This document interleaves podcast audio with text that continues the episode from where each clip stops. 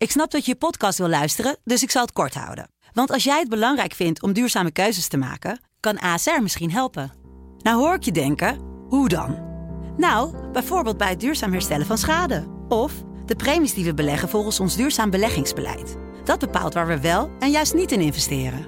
Wil je meer weten over welke duurzame keuzes ASR maakt? Ga dan naar asr.nl/slash duurzame keuzes. ASR doet het. Zo, dan kan je nu lekker naar je podcast luisteren.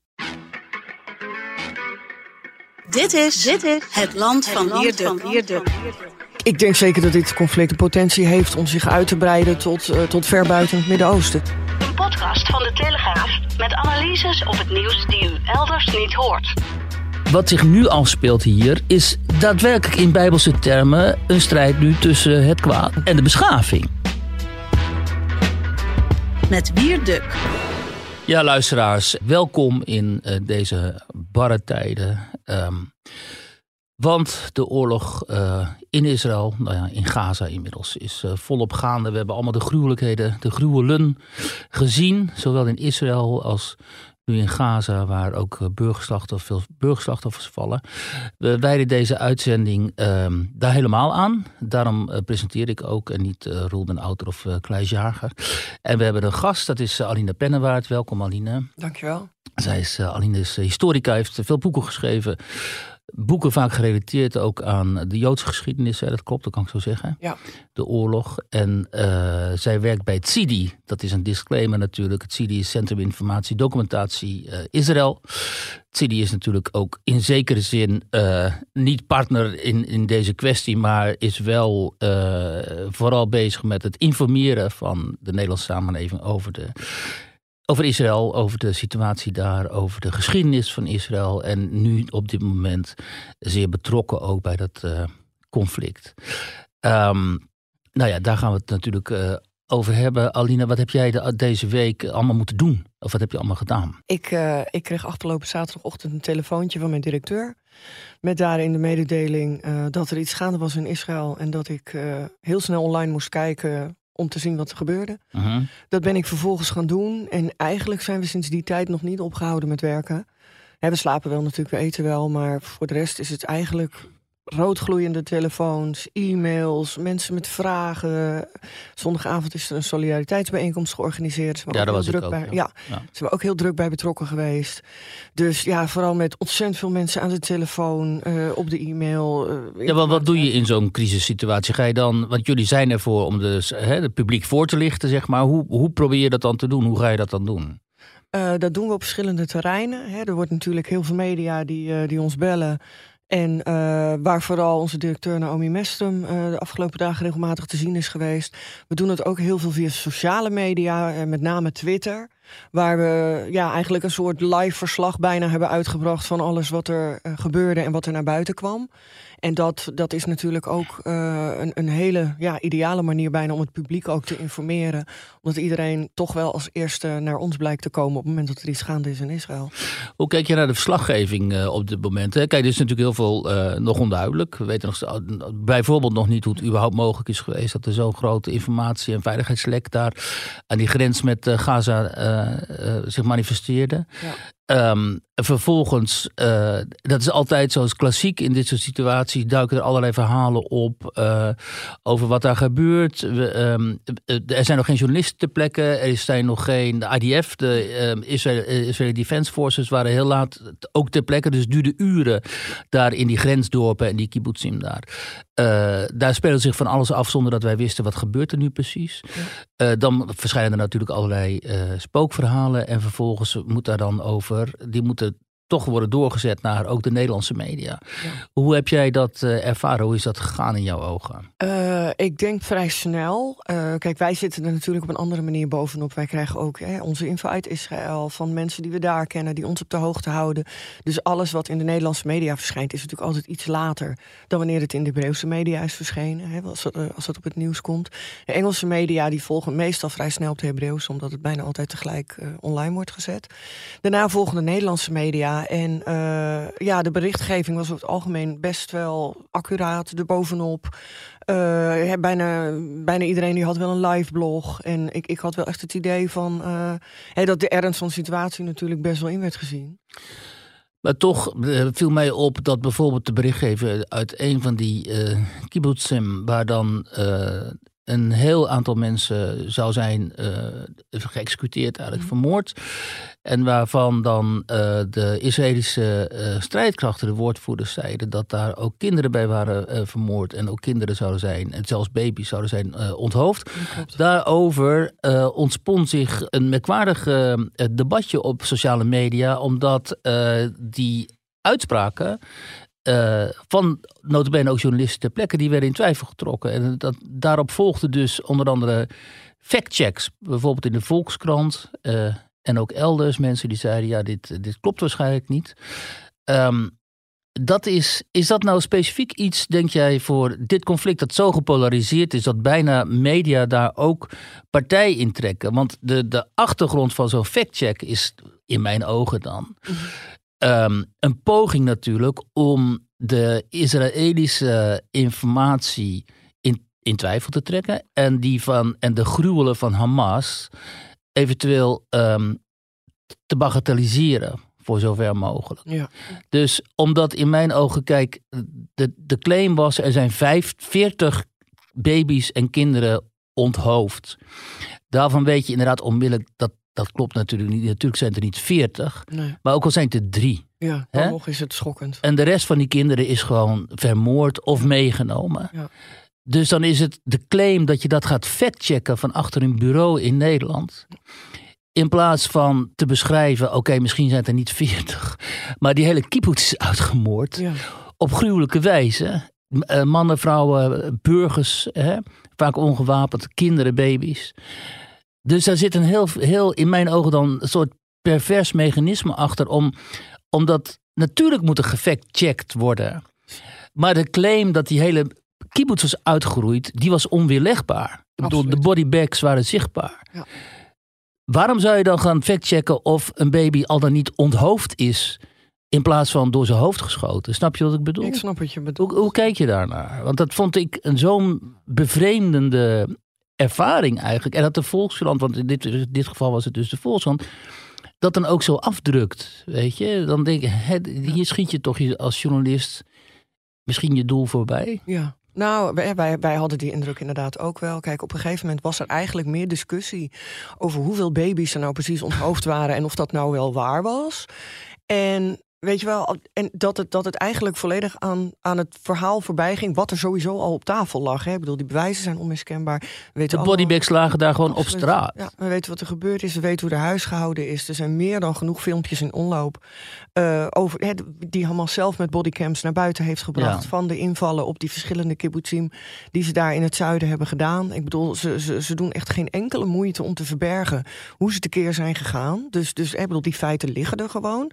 En dan op een gegeven moment wordt er inderdaad een detail uitgepikt. En dan gaan we het daarover hebben. Omdat het op de een of andere manier lijkt alsof we het niet over het geheel kunnen of willen hebben. Snap je? Kijk, ik snap natuurlijk als, als journalist dat je factcheckt wat er is gebeurd voordat je iets brengt. Dat is een hele Tuurlijk, normale is die kibbutz, aange, kibbutz aangevallen of niet? Zijn daar slachtoffers of niet? Maar als je dus gewoon de beelden ziet en die kibbutz is overduidelijk uitgeroeid.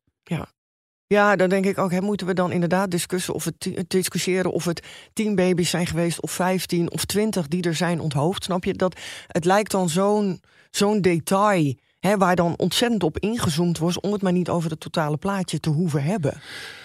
Laten we eens over het totale plaatje hebben, want wat is dat? Hè? Kijk, um, dit is zo'n zo'n ingewikkeld uh, conflict waarvan natuurlijk heel veel mensen zeggen, ik ook, ook al ben ik dan een aantal keer in, in Israël geweest en ter plekke ook, ook met jou overigens moet ook even een disclaimer bij. Ik ben, Ja. ik ben ooit met het CIDI ook naar Israël geweest. Uh, ontzettend interessante reizen trouwens. Je krijgt iedereen te spreken, dus het is echt heel erg interessant. Maar als je daar vandaan komt ook, en je bent daar tien dagen en je spreekt met iedereen, dan is je conclusie, dit is onoplosbaar. Ja. Dit is, heeft zo'n enorme historische uh, uh, ingewikkelde achtergrond.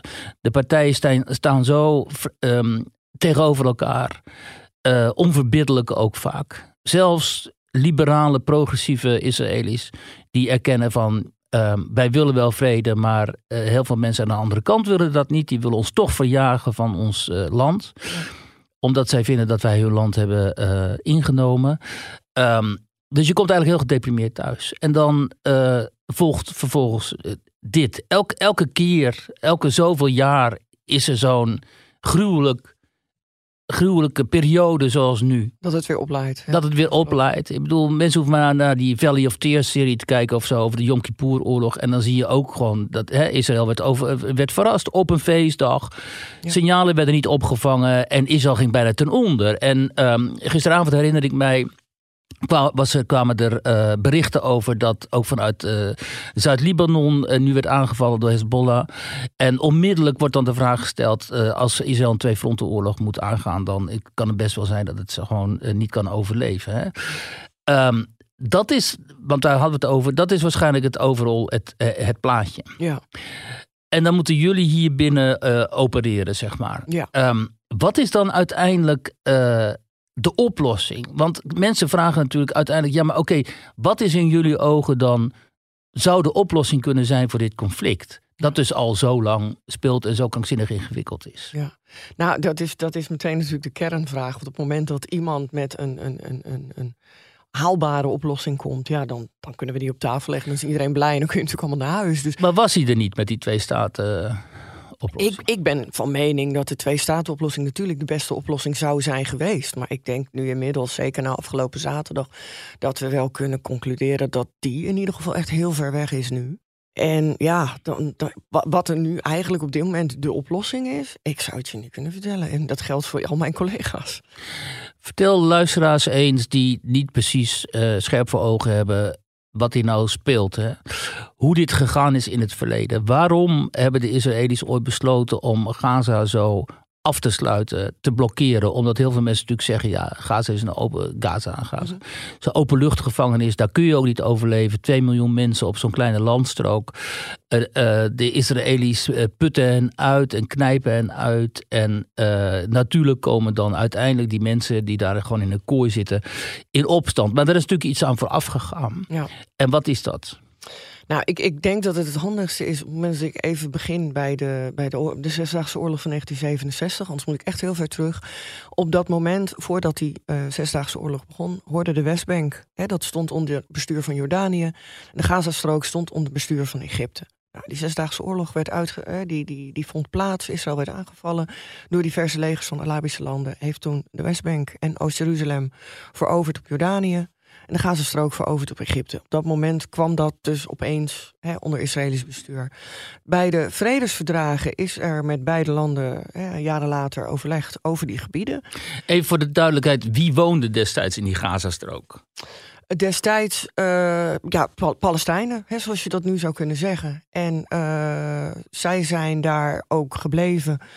En op het moment dat dat onder Israëlisch bestuur kwam, zijn daar uiteindelijk ook uh, Joodse nederzettingen gebouwd. Mhm. Er is toen met Egypte en, en ook met Jordanië over de Westbank en Oost-Jeruzalem zijn er uh, gesprekken geweest met vredesonderhandelingen. En beide landen hebben in dat geval toen laten weten uh, die, die gebieden niet terug te willen.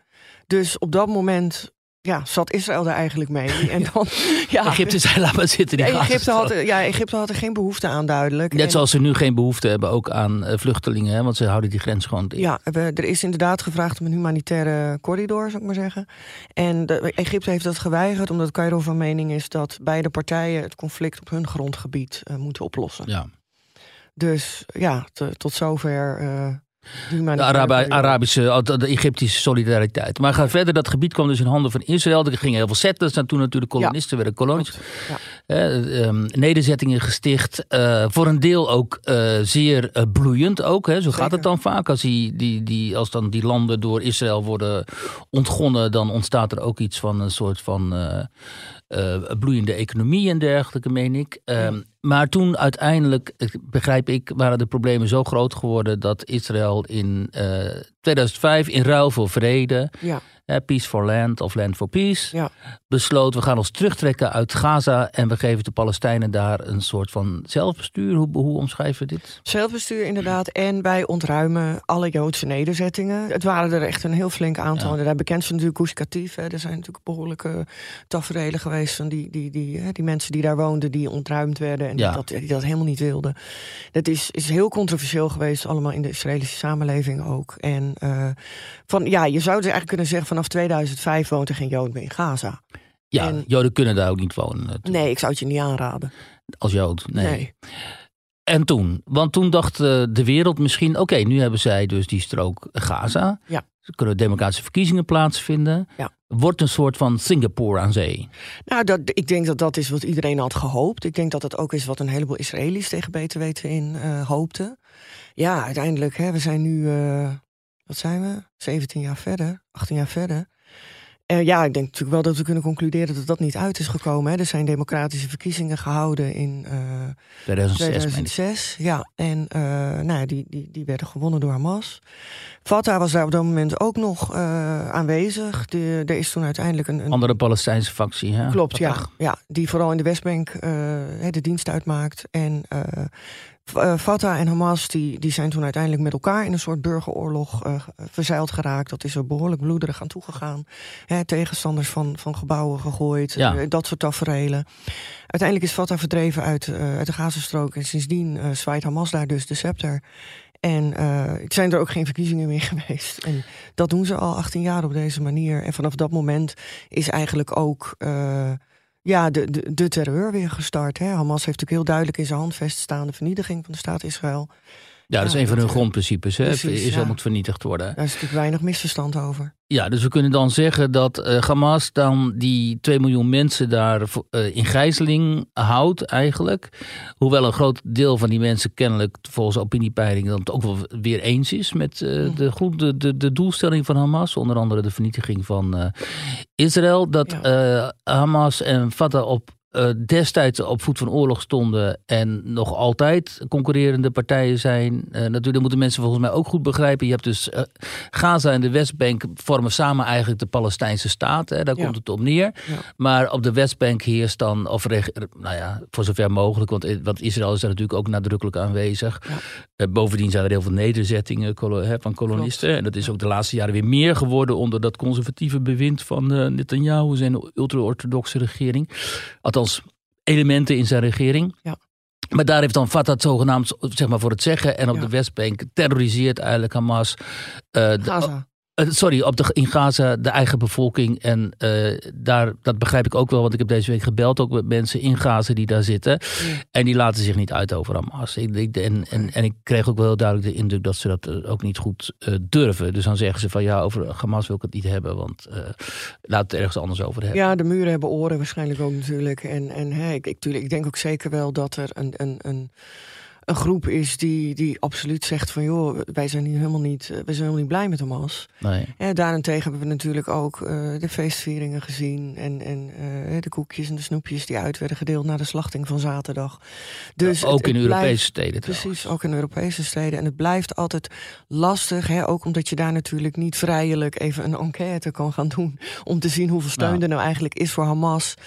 Blijft het gewoon vaak lastig om echt in te kunnen schatten van nou, in hoeverre staat die Gazaanse bevolking hier nu achter. Je weet het gewoon niet. Dat weten we niet. Alleen we weten wel dat de Gazaanse bevolking eh, met enige regelmaat slachtoffer wordt van wraakacties vanuit Israël. Maar die zijn dan weer reacties op het feit dat de Hamas raketten afstuurt op Israëlische, eh, op Is- Israëlisch eh, grondgebied. Dat klopt. En eh, dat was eigenlijk het beeld, de soort, eh, het soort frozen conflict in zekere zin. Ja. eh, ge- en ehm, waarin de Israëlische staat kan verwachten dat er gewoon zo af en toe raketten naar Israël worden Ja. gestuurd. En daar wordt dan weer op gereageerd. En Ja. nu opeens ont- ontplofte dit volledig. Ja. Totaal onverwacht kwamen daar die terroristen, braken daar door dat hek heen. Nou, we hebben dat hek gezien en die muur daar. dat Je denkt dat is, dat is ondoordringbaar. Opeens braken ze daar doorheen.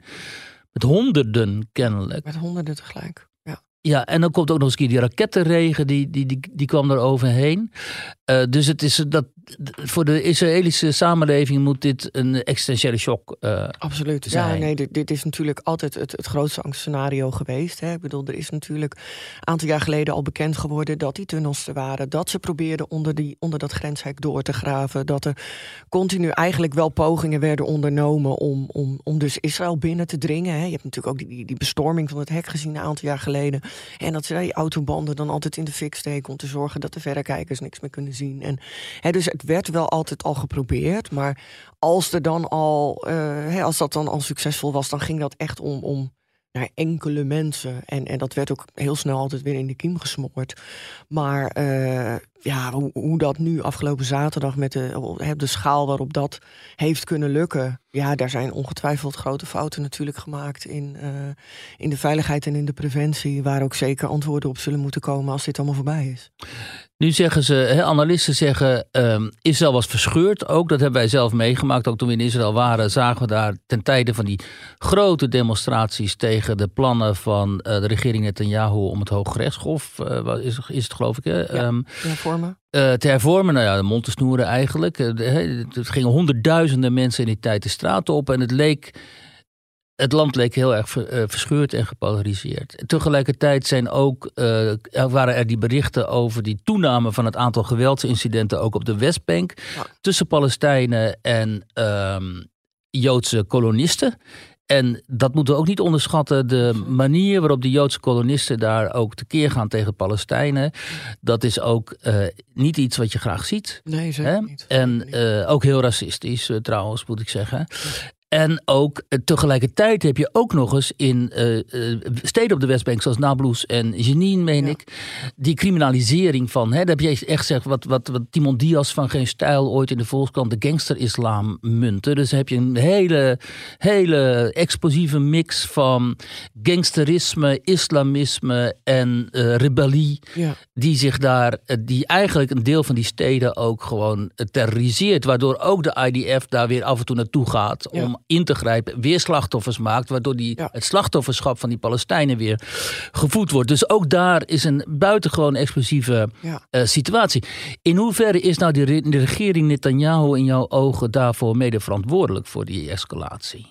Ik denk dat de. Omdat, sorry dat ik het nog niet gezegd, omdat mensen nu zeggen, ja, door die, door die polarisatie. Door die de demonstraties was de aandacht heel sterk gericht op de binnenlandse uh, problematiek en binnenlandse politiek. En er was zelfs ook een, uh, dreigde zelfs een scheuring tussen het militaire leiderschap. Klopt. En het politieke leiderschap. Omdat ook, hè, we herinneren we ons nog, het zelfs vlieg, vlieg, gevechtsvlieg tuigpiloten die zeiden, van, zeiden we gaan niet meer meedoen. Ja, hè? Ja, dat, dat, is natuurlijk ongekend. Dus ja.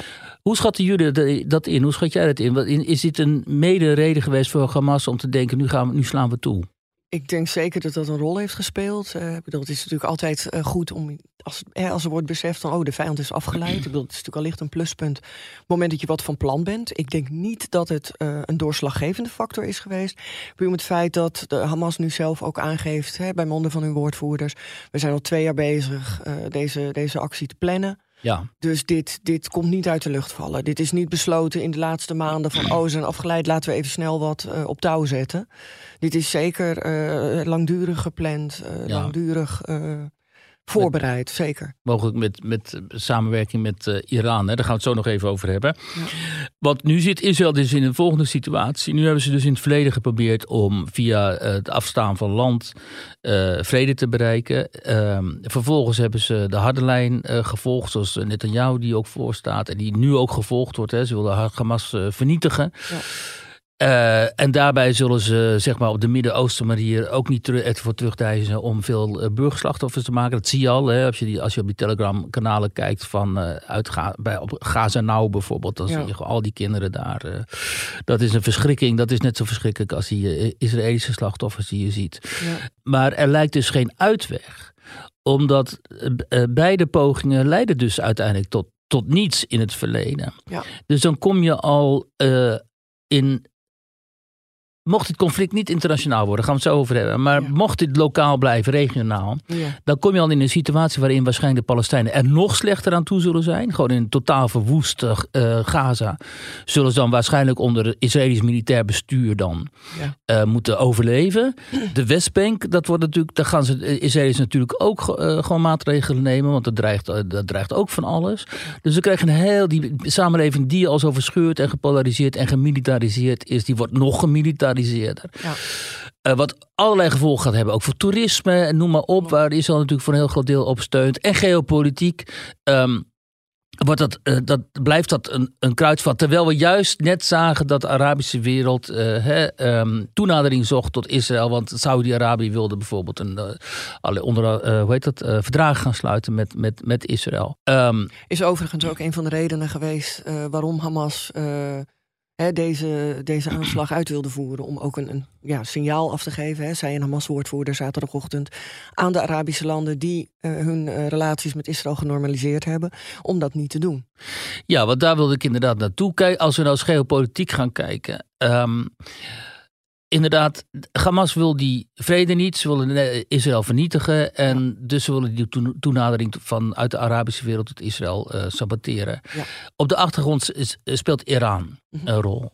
Eh, en dan heb je nog in het zuiden van Libanon eh Hezbollah. En dat is een compleet leger wat daar Ja. zo ongeveer ligt. Eh, Hoe schat jij dit in?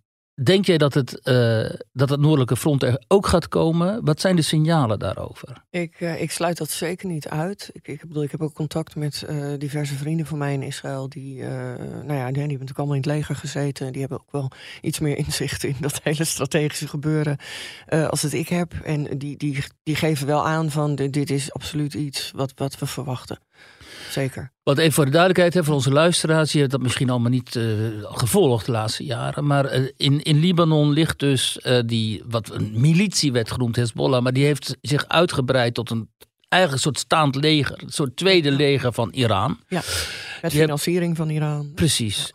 Hebben gevechtservaring opgedaan, een deel daarvan, in, op de slagvelden in Syrië. Dus, en toen wij daar waren, werd onze militaire deskundige, Israëlische militaire deskundige gezegd: joh, dit is echt een heel indrukwekkend leger. En wij weten niet of wij in staat zullen zijn als Israël zijnde, zo heet het dan. Ja.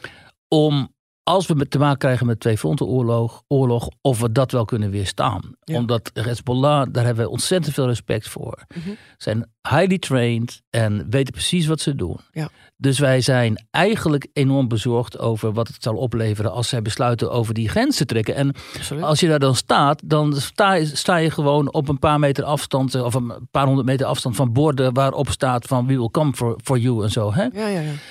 Dus eh, dat is de existentiële dreiging waar Israël onder, onder ehm, verkeert. En dan kun je ook nog zeggen, misschien speelt eh, op de achtergrond Rusland, dat de bondgenoot is van Iran. Ja.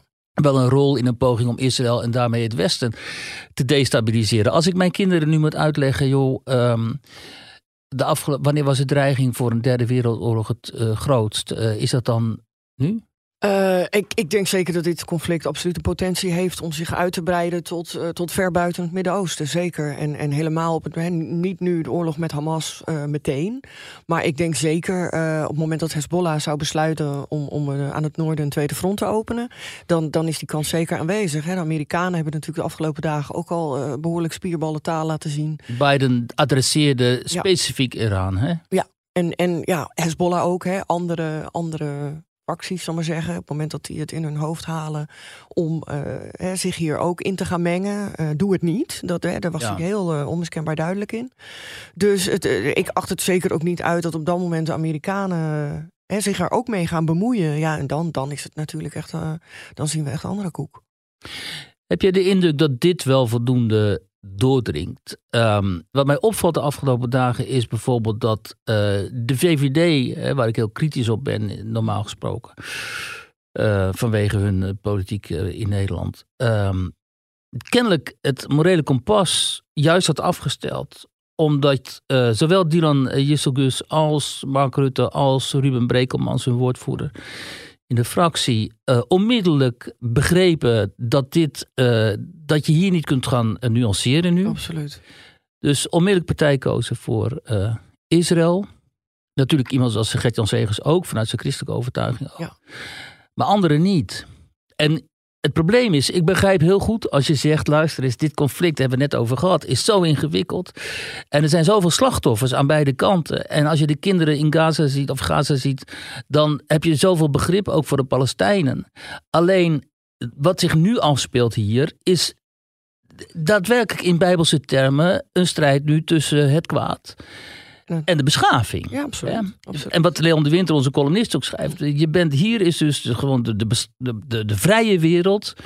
Wordt aangevallen door premoderne barbarij. Absoluut. Maar ik denk En zeker dat er mensen kiezen. zijn die dat dus nog totaal niet beseffen. Hoe komt dat, denk je? Eh, ik, ik denk deels naïviteit. Hè. Ik denk deels ook wensdenken. Eh, maar ook hè, wat je heel vaak ziet bij mensen op het moment dat ze geconfronteerd worden met iets wat ze eigenlijk niet goed kunnen bevatten, dan hebben ze de neiging om, om daarvan weg te gaan. Weet je, om, om net te doen alsof het er niet is en om dat te gaan downplayen en rationaliseren tegen zichzelf, omdat het gewoon te overweldigend is. En het, het is natuurlijk, begrijp me niet verkeerd, het is natuurlijk ook een hele enge gedachte op het moment dat daar een tweefrontenoorlog aan de gang gaat, waar Amerika bij betrokken raakt. En wij natuurlijk ook gewoon indirect het hele Westen, waar je aan de andere kant ook Rusland en Iran hebt, die zich er dan ongetwijfeld ook actiever mee zullen gaan bemoeien. Ja, dat zijn ook geen tafereelen waar je naar uit moet kijken, echt niet. Het is heel vreemd, vind ik, als je. Kijk, er valt van alles te zeggen. Om, en je kunt heel makkelijk beargumenteren dat die vrije wereld de afgelopen, laten we zeggen, zel- zelfs decennia, misschien wel het sowieso sinds de inval in Irak, niet echt in goede handen is geweest. Hè? En dat met name ook de Amerikanen door middel van hun invasies en noem, eh, bijvoorbeeld ook daar in Libië en zo, fout op fout hebben gestapeld in hun omgang met de rest van, eh, zeker met die eh, islamitische de we- wereld ook. Ja. Ehm, dat, je kunt zelfs beargumenteren dat wij in Europa en ook de Verenigde Staten in het eh, gesprek en in de diplomatie met Rusland hebben gefaald, waardoor die de situatie in Oekraïne zo uit de hand is gelopen. Ja, het probleem, Maar- denk ik, met de, de, de, de, de westerse manier van denken, is dat, wat ik heel vaak zie, is dat eh, de mentaliteit die wij hier hebben, de manier van denken die wij hier hebben, op andere landen en continenten wordt Ja. geplakt. Van nou, wij denken zo, dus werkt het voor hun ook zo. En dat is gewoon niet hoe het is. Je kunt de mentaliteit die wij hier in Europa kennen, ik bedoel, op het moment dat wij conflict hebben, dan gaan we met elkaar praten. Ja, Er zijn andere plekken op de wereld waar dat als ongelooflijk zwak wordt gezien. En eigenlijk als een directe uitnodiging om jou meteen te overheersen. Want je geeft eigenlijk toe dat je zwak bent, anders kwam je niet praten. Ja. Dat is hoe het werkt. En dat begrijpen wij hier niet. Ja, we zouden natuurlijk ook kunnen proberen om niet onze, om onze waarden en normen en ons concept van democratie en mensenrechten en zo op te dringen aan andere beschavingen en culturen, hè, waar ze heel anders denken over democratie en mensenrechten en noem maar op en zo. Omdat ik denk dan, ja, wat hebben wij daarmee te maken? Weet je wel, wij, wij, wij moeten ervoor zorgen dat we onze wereld beschermen, onze beschaving beschermen, met hand en tand. Nou, En- ik denk en- dat het ook een proces is. Kijk, en, en wij hebben dat proces natuurlijk in het Westen ook eeuwenlang door moeten maken. Ik bedoel, er is hier ook genoeg bloed gevloeid en oorlogen gevoerd. En, en ook met religieuze componenten daarin. Dus het is voor ons natuurlijk ook een proces geweest voordat we eindelijk op dat punt kwamen van joh, misschien, misschien moeten we toch eens over een andere boeg gaan gooien met z'n allen. En Ja, daarover kun je van mee verschillen. Want ik denk niet dat de Chinese beschaving of de islamitische cultuur uiteindelijk zullen uitkomen in een liberaal, een liberaal-democratisch eh, concept. Daar hebben ze volgens mij helemaal niks mee. Nee, maar de- als het zo gebeurt, is er in ieder geval wel een paar honderd jaar voor nodig, eh, Ja, verwacht ik. ja, nee, maar en ik probeer eigenlijk te zeggen dat als wij dat, type denken en dat type van maatschappelijk-politieke ordening proberen op te dringen aan die andere beschavingen, Ja, dat werkt niet. dat er natuurlijk vanuit die andere culturen eh, weerstand komt. Absoluut. Hè? Dat ze gaan zeggen van, zoals in Rusland, joh, we hebben het geprobeerd, maar het is niks voor ons. Hè? Ja, ja, precies. dus ze willen iets anders. Ja. Maar we blijven maar pushen, pushen, pushen. Vooral die Amerikanen dan. En dan tegelijkertijd zijn ze natuurlijk gewoon hun eigen politieke en e- economische belangen aan het, eh, aan het pushen. En daarom is het zo moeilijk, denk ik, ehm, om. Als je, als, je, als je bekijkt wat de afgelopen jaren die, die Amerikaanse invasies, ook Amerikaans-Westerse invasies hebben opgeleverd aan doden en aan, aan chaos en, en Ja. ellende. En als er instabiliteit. Ja, om aan die, aan die mensen daar in de Arabische wereld eh, te vertellen: joh, we, uit, we hebben het uiteindelijk toch wat goede met je voor. Hè? Ja, ja, Want we gaan natuurlijk zeggen: hoezo dan? Krijg je middelvinger. Ja, mijn hele stad ligt in puin. Hoezo goed met mij voor? Precies. En dat zijn dan de argumenten die dan hoort hier in Nederland bij de SP en andere partijen zo. Die zeggen: ja, maar kijk wat Israël heeft gedaan. Kijk wat het Westen heeft gedaan. Kijk wat Amerika heeft gedaan. Maar op het, op het moment dat het erop aankomt, moet je wel zeggen: ja, maar wacht eens even. Eh, wij verdedigen wel uiteindelijk die vrije wereld. Hoewel misschien die op dit moment niet in zulke goede handen is. Nee. Maar het is wel die liberale westerse democratie. Dat is wat wij te verdedigen hebben. En dan, dan, dan het opmerkelijk is dat vanaf, vanaf Forum voor Democratie tot Denk, tot SP, tot die jongens die dan, waar wil ik het over hebben, Mhm. tot die jongens die dan op straat daar met Hamas of met de Palestijnse vlaggen aan te zwaaien, die ondermijnen in principe op dat moment eh, onze, onze vrijheid. Daar komt het eigenlijk in mijn ogen dan op neer. Hoe kijk jij daarnaar? En ik bedoel te zeggen, en de VVD, die begreep dat dus wel goed. Die, Ja. Kennelijk begreep die van wat hier nu eh, is het steek, hoe zeg je dat? Wat nu, hier nu Wat op het spel, staat. Ja, ja. Nee, ik denk dat, dat, hè, dat de VVD dat goed begrijpt. Kijk, en, en, en eh, de partijen die je nu op dit moment opnoemt, hè, de groepen die je nu opnoemt, dat zijn natuurlijk over het algemeen wel groepen die, die uh, bekend staan om, om een wat tegendraadser, uh, tegendraadser benadering van zaken, weet je. Uh, ik, ik, ik moet ook zeggen dat het me verbaasd was als het anders. Dat het me verbaasd had als het anders was geweest. Ja, dat, dat, dat, dat, begrijp ik wel, denk ik. Hoewel uiteindelijk zou je denken dat uh, zeker uh, parlementariërs en politici. Nou ja, ik, ik zou zeggen, uiteindelijk zou je denken dat ze toch bij zinnen komen op zo'n of zo, op zo'n existentieel uh, moment. Uh, en wat natuurlijk concreet zorgen baart, dat is dat in westerse uh, steden grote groepen sympathisanten met Hamas de straat op gingen, ja. snoepjes uitdelen. En die dus, de, dus er zijn concreet mensen die hier binnen onze uh, samenleving, een soort vijfde kolonne, die dan concreet het uh, afslachten van onschuldige burgers uh, toejuichen. Nou, het CIDI maakt zich, ik geloof dat jullie elk jaar een antisemitisme monitor hebben, hè, want de Joden zijn altijd de kanarie in de kolenmijn. Ja als antisemitisme toeneemt, nou, dan weet je drommels goed wat er uh, aan de hand is. Ja. Um, en die neemt altijd toe op het moment dat het conflict weer oplaait. Ik bedoel, daar kunnen we de klok op gelijk zetten. Dus nu ook? Dus nu ook, zeker. We hebben de laatste daar sinds zaterdag, het aantal meldingen is echt wel uh, fix omhoog geschoten. En ja, dat, dat kan echt variëren van fysieke bedreiging tot uh, verbale bedreiging. we hebben alles, alles wel weer voorbij horen komen inmiddels. En nu is er natuurlijk ook weer opgeroepen hè, vanuit, vanuit Hamas uh, naar moslims wereldwijd. Van, van hè, we hebben zaterdag een dag van woede. En, en uh, richt je op Joodse doelen, richt je op Joodse burgers, richt je op de Zionisten. En, en ja, dat soort oproepen tot geweld helpen natuurlijk ook echt niet mee. Is dat op te lossen, denk je, überhaupt? Het conflict? Nee, hier binnen. Kijk, we hebben natuurlijk te maken met hele grote islamitische gemeenschappen. Mm. In, uh, we hebben de laatste tijd ook heel veel Syriërs binnengehaald. Die meer nog dan Marokkanen en Turken uh, opgevoed zijn, gesocialiseerd zijn met een, uh, in, in Syrië. Met een extreem antisemitisch gedachtegoed. dus daar kunnen we ook het een en ander van gaan verwachten. Um, in Duitsland zie je al nou ja, in Frankrijk, overal, in Londen zag je het. Gewoon echt hele grote groepen die ongegeneerd, ongegeneerd oproepen tot het uh, vermoorden van Joden. Ik zag een interviewtje met een uh, Duitse moslima, die mevrouw die ook zegt... Ja, ik heb feest gevierd, zei ze. Ja, ik freue me zo. we dus gefeierd. Ja, en wat vooral ook Maar stel dat een blanke, de autochtoon dat zou zeggen, die wordt onmiddellijk opgepakt. Ja, wat nou, en, en meteen, uh, daar wordt meteen echt heel geschokt op gereageerd. Ja. Het bizarre vond ik ook aan dat filmpje, is dat er echt geen enkele rem was, geen enkele schaamte van, joh, misschien moet ik dit niet zo voor de camera zeggen. Hè? Bedoel, totaal niet, totaal niet. Nou ja, maar daaraan zie je dus hoe binnen die gemeenschap. Kijk, die vrouw die leeft natuurlijk gewoon vooral binnen haar eigen gemeenschap. En dat dat binnen die gemeenschap volstrekt geaccepteerd gedachtegoed is. Ja, dat is en duidelijk. dus er komt er iemand met een microfoon onder haar neus. En die vrouw die zegt gewoon precies, precies dat wat in hun gemeenschap gangbaar is. Ja, ja um, hoe. Hoe gaan we dit in vredesnaam oplossen? Kijk, want uh, uh, iemand als uh, Dylan Jitselgus die zich hier al heel lang mee bezighoudt. Die zegt Ja. altijd keihard aanpakken, keihard aanpakken. Ja.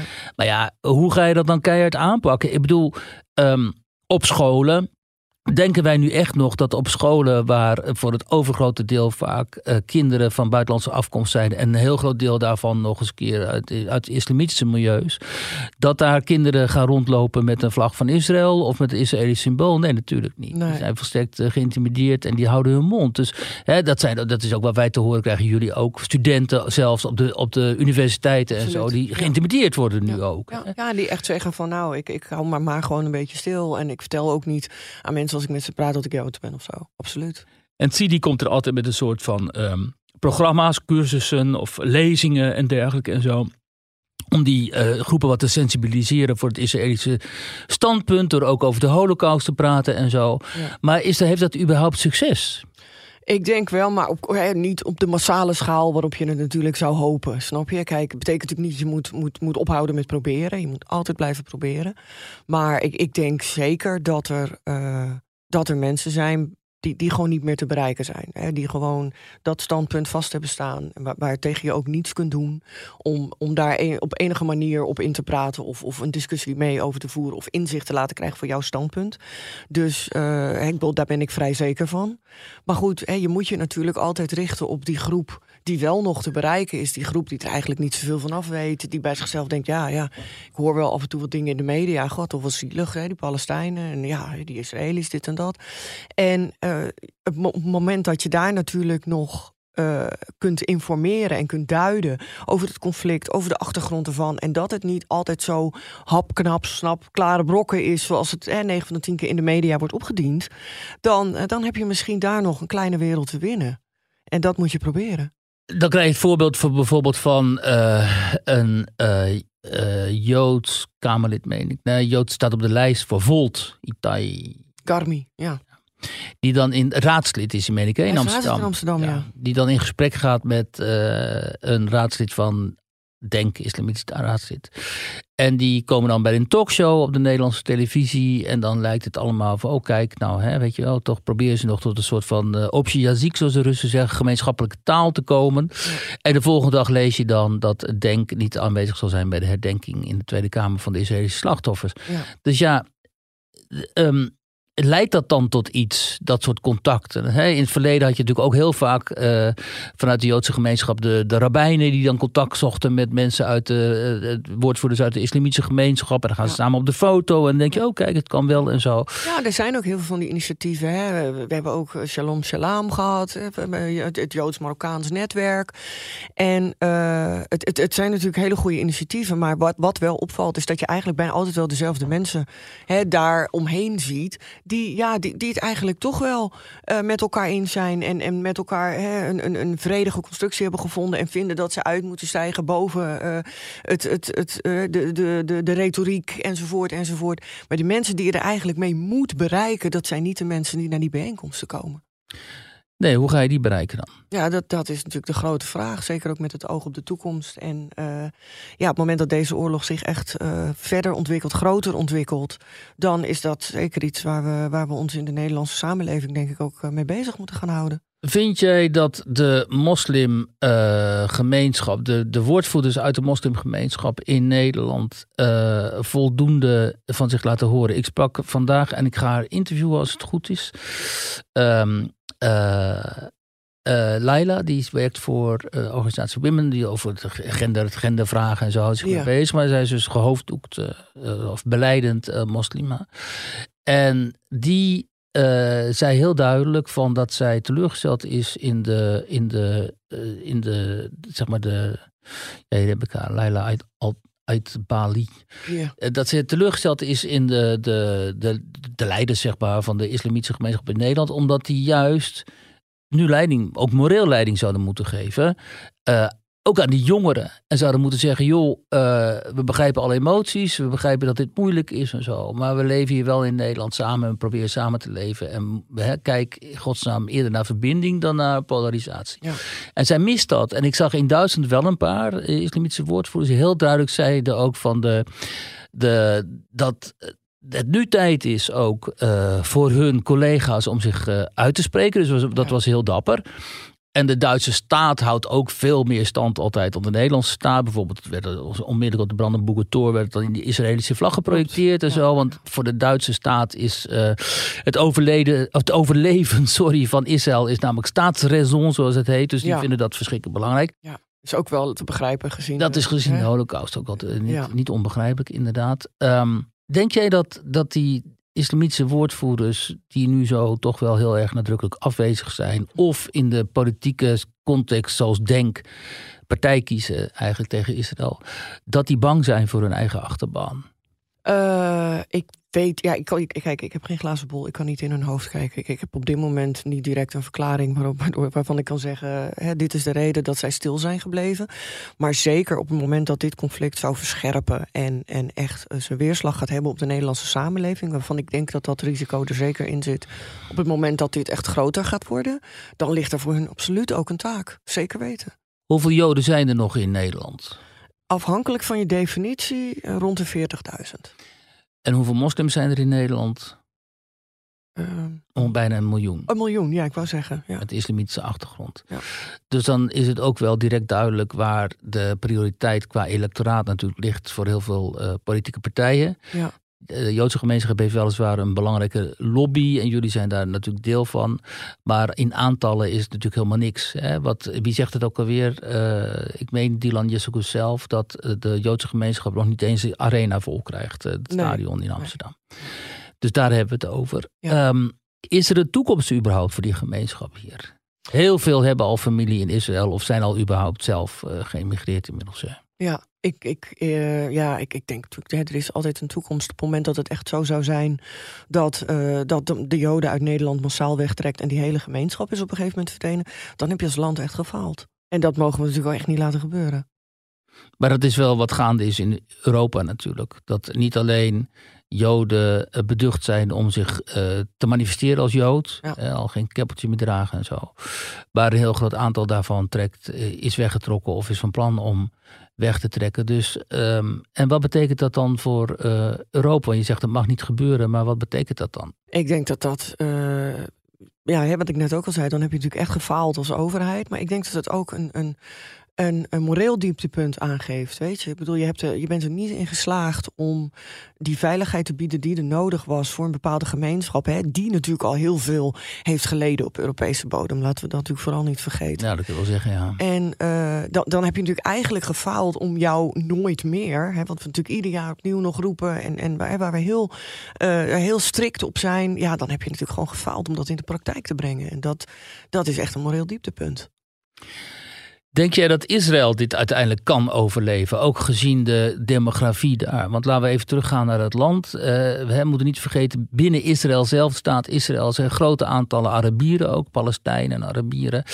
En eh, demografisch eh, is de, de, de, de, de, de Israëlische bevolking, Joodse bevolking, deel daarvan, is ook volgens mij aan het krimpen. Althans, de, de- het aantal Arabieren neemt veel sneller toe, meen ik, dan het aantal Joden. hè. Maar goed, Ja. dat vraag ik aan jou, want jij weet er meer van. Ja, nou, de, de, de, orthodoxe, het orthodoxe deel van de samenleving eh, plant zich natuurlijk wat sneller voort. Ja, die hebben gewoon heel veel kinderen. Die hebben en echt, ja, acht tot tien kinderen is echt geen uitzondering. Het is ook dan- echt hun doel, hè? Om, om heel veel kinderen voor te brengen, zodat het Israëlische volk of Joodse volk het voorbestaan blijft. Ja, kan voortbestaan. En ook dat er, dat er dus dat die, die, die, die zware verliezen die ze geleden hebben tijdens de Holocaust, Ja, eh, op die manier in worden gelopen. Dat er toch weer een Joods volk ontstaat, dat dat kan groeien en bloeien en voortbestaan. Dus dat is zeker een heel duidelijk eh, doel.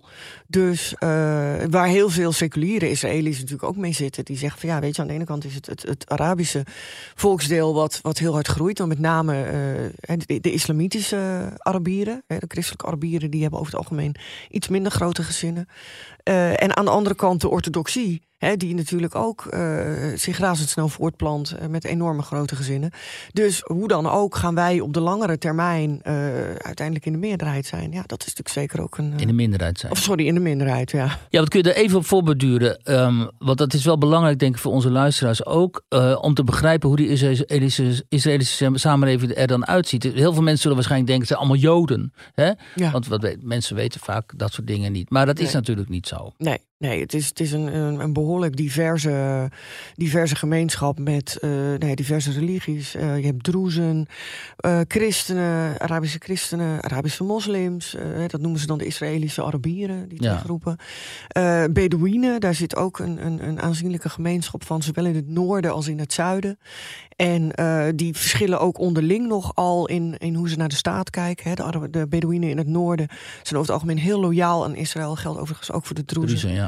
En eh, de, de Bedouinen in het zuiden, die zijn toch wat, ja, wat, die hebben daar toch wat meer een afkeer van. En die, die willen ook het liefst een nomadische levensstijl vasthouden. Eh nou, Israël wil dat niet. Die wil natuurlijk al die, die, die, die bouwseltjes die ze daar in, in de Ja, het is merkwaardig om te zien, al die, die, die Ja. gewoon een soort van hutjes. ja, Ja, hutjes, wat zijn het? Tra- golf- trailerparken. Ja, Ja. Met, een, met, een, met twee stalen eh, platen en een golfplaat. Ja, dit is, en daar zitten ze dan met, met hun diertjes en hun dingetjes. En sommigen ook zelfs nog in tenten.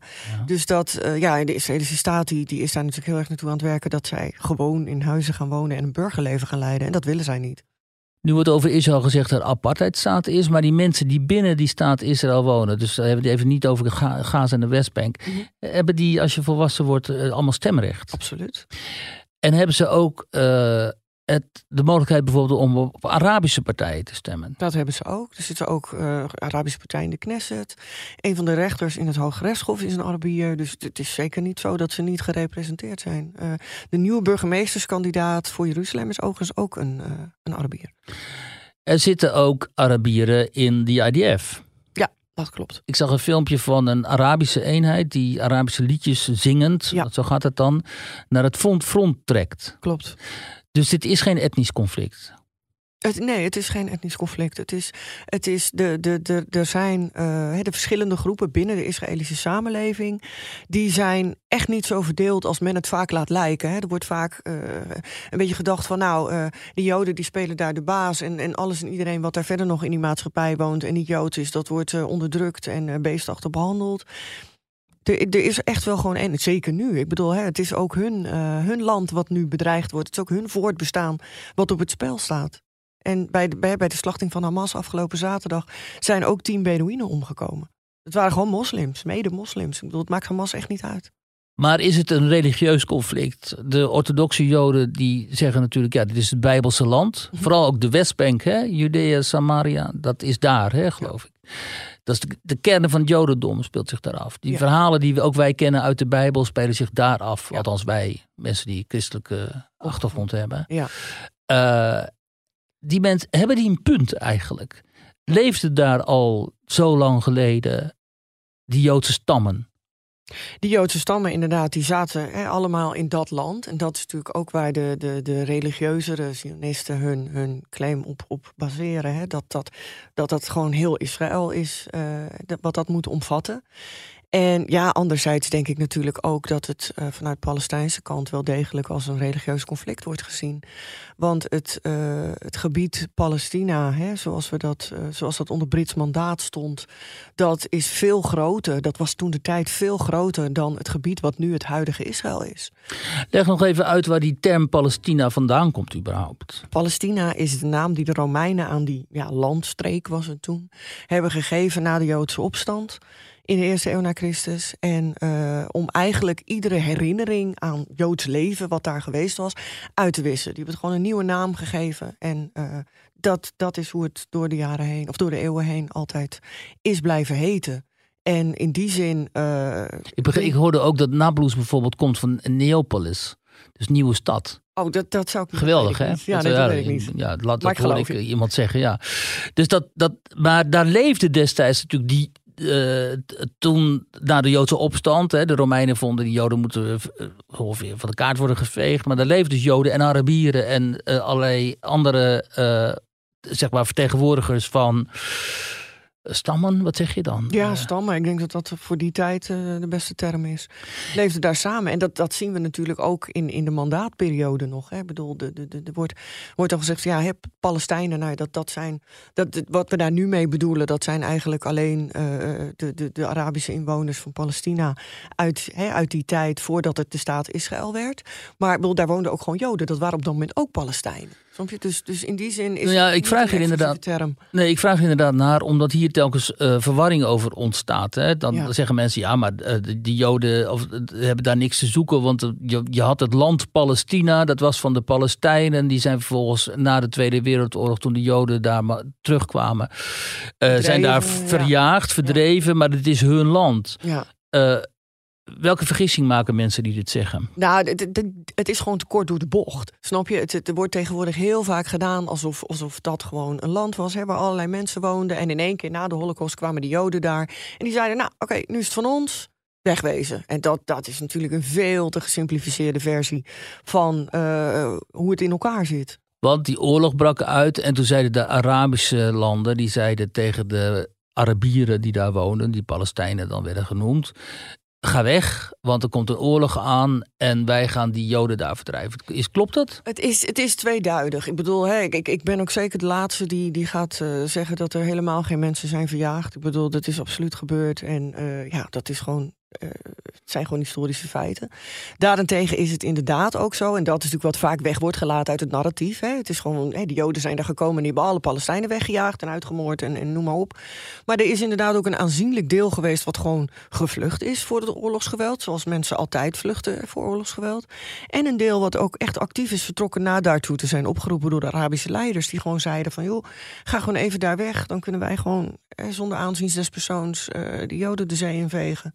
Daarna kunnen jullie weer terug naar huis en dan is het hele probleem opgelost. Ja, dat liep een beetje anders. Ja, dat gebeurde niet. En dan krijg je nu dus van die scènes met, uh, als je dan met Palestijnen spreekt.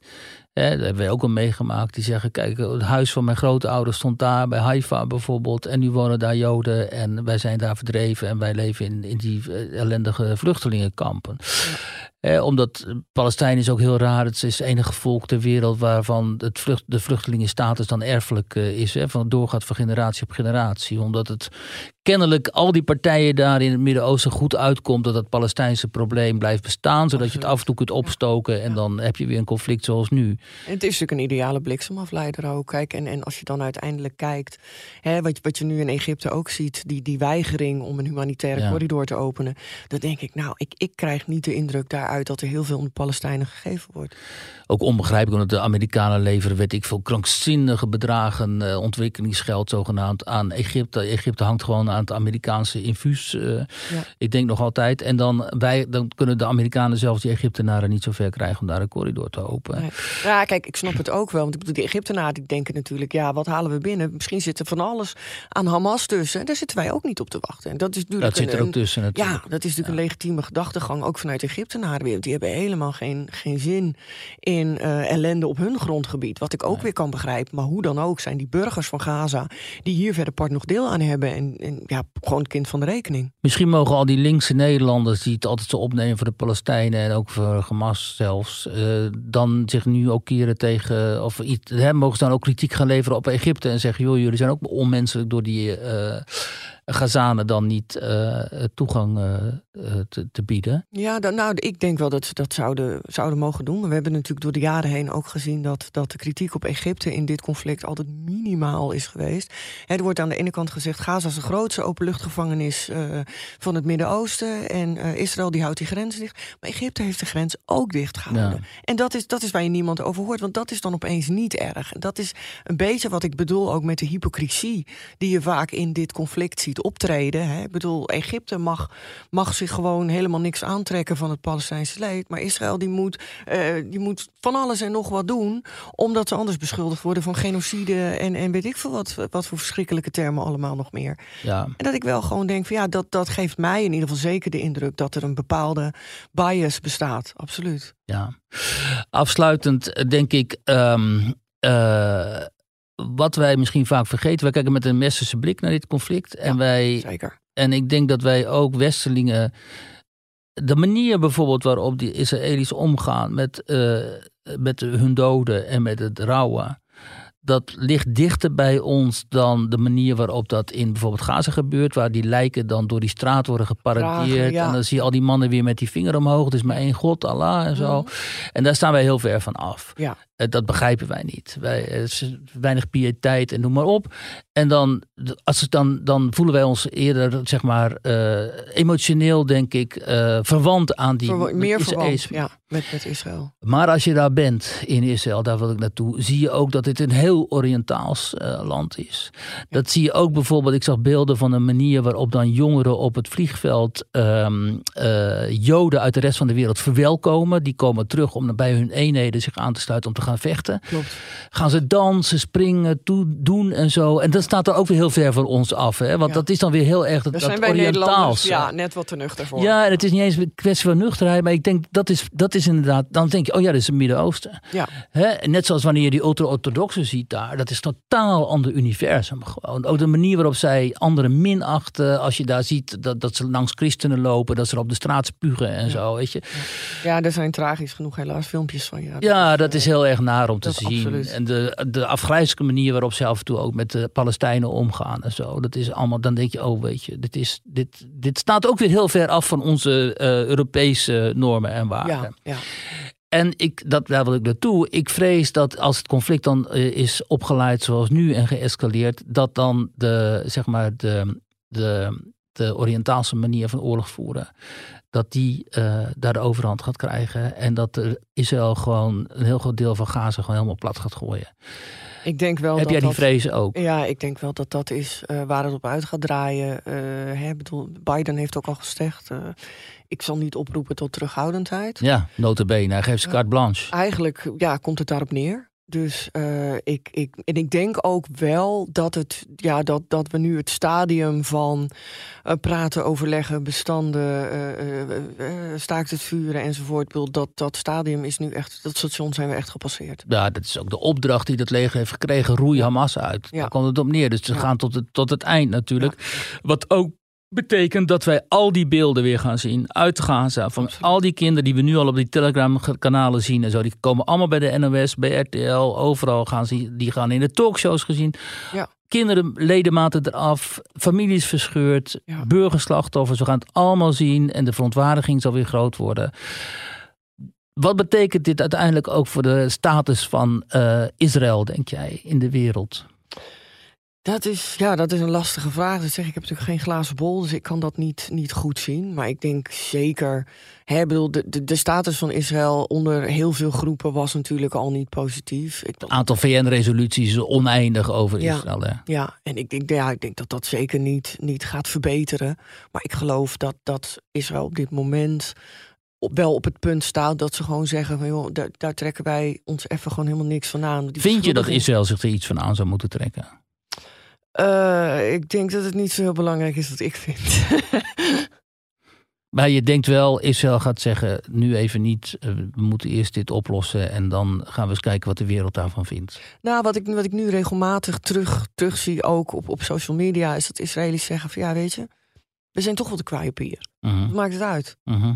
Zelfs toen we wel terughoudendheid betrachten en onze uiterste best deden om burgerslachtoffers te voorkomen. En hè, staakt het vuren hebben geaccepteerd, die dan vaak door Amerika en Egypte weer was, eh, was, was, eh, bij elkaar was geregeld, precies. En, en waardoor het weer rustig werd met Gaza om uiteindelijk een paar jaar later weer op te laaien. En weer op. Mhm. Dat is natuurlijk jaren met een golfbeweging. Eh, afgewisseld met periodes van relatieve rust en, en periodes waarin het weer helemaal uit de hand liep. En ja, weet je, ze zeiden ook, toen werden we ook van van alles en nog wat beschuldigd. En de genocide, en noem het allemaal maar op. En, en Gaza was het ghetto van Warschau, en, en nou ja, et cetera, et cetera. Die, die staan nu wel op een punt dat ze zeggen, joh, we hebben het toch gedaan. Wat maakt nog uit? Ja. En dat, ja, dat, dat, is, dit, ja, dat is natuurlijk tragisch dat dat eh, hun eindconclusie is. Veel christenen zullen denken, we zien hier alle voorspellingen voor, eh, uit de Bijbel eh, die nu eh, bewaarheid worden. Dat hoor ik ook veel, ja. Ja. Daar gaan we het niet over hebben, want Nee. wij, zijn, wij zijn geen profeten. Nee. maar het zijn wel, eh, het zijn wel hele macabere tijden. Zeker weten. Ja, zorgwekkende tijden ook. Ja. Oké, Aline, heel veel dank voor dit gesprek. Ik hoop, of ik denk, ik weet wel zeker dat heel veel luisteraars hier toch wel wat eh, aan zullen hebben. Ook qua informatie die jij hebt eh, gegeven. Dus eh, heel veel dank. En vanmiddag staat dan, op, het, is, het is nu donderdag, we nemen weer op donderdag op. Demonstratie voor Israël gepland op de Dam in Amsterdam. Ja. Daar zul je ongetwijfeld ook bij aanwezig zijn. Daar ben ik bij aanwezig, ja. Nou, veel succes, heel veel dank en we spreken elkaar zeker nog. Zeker weten, dankjewel.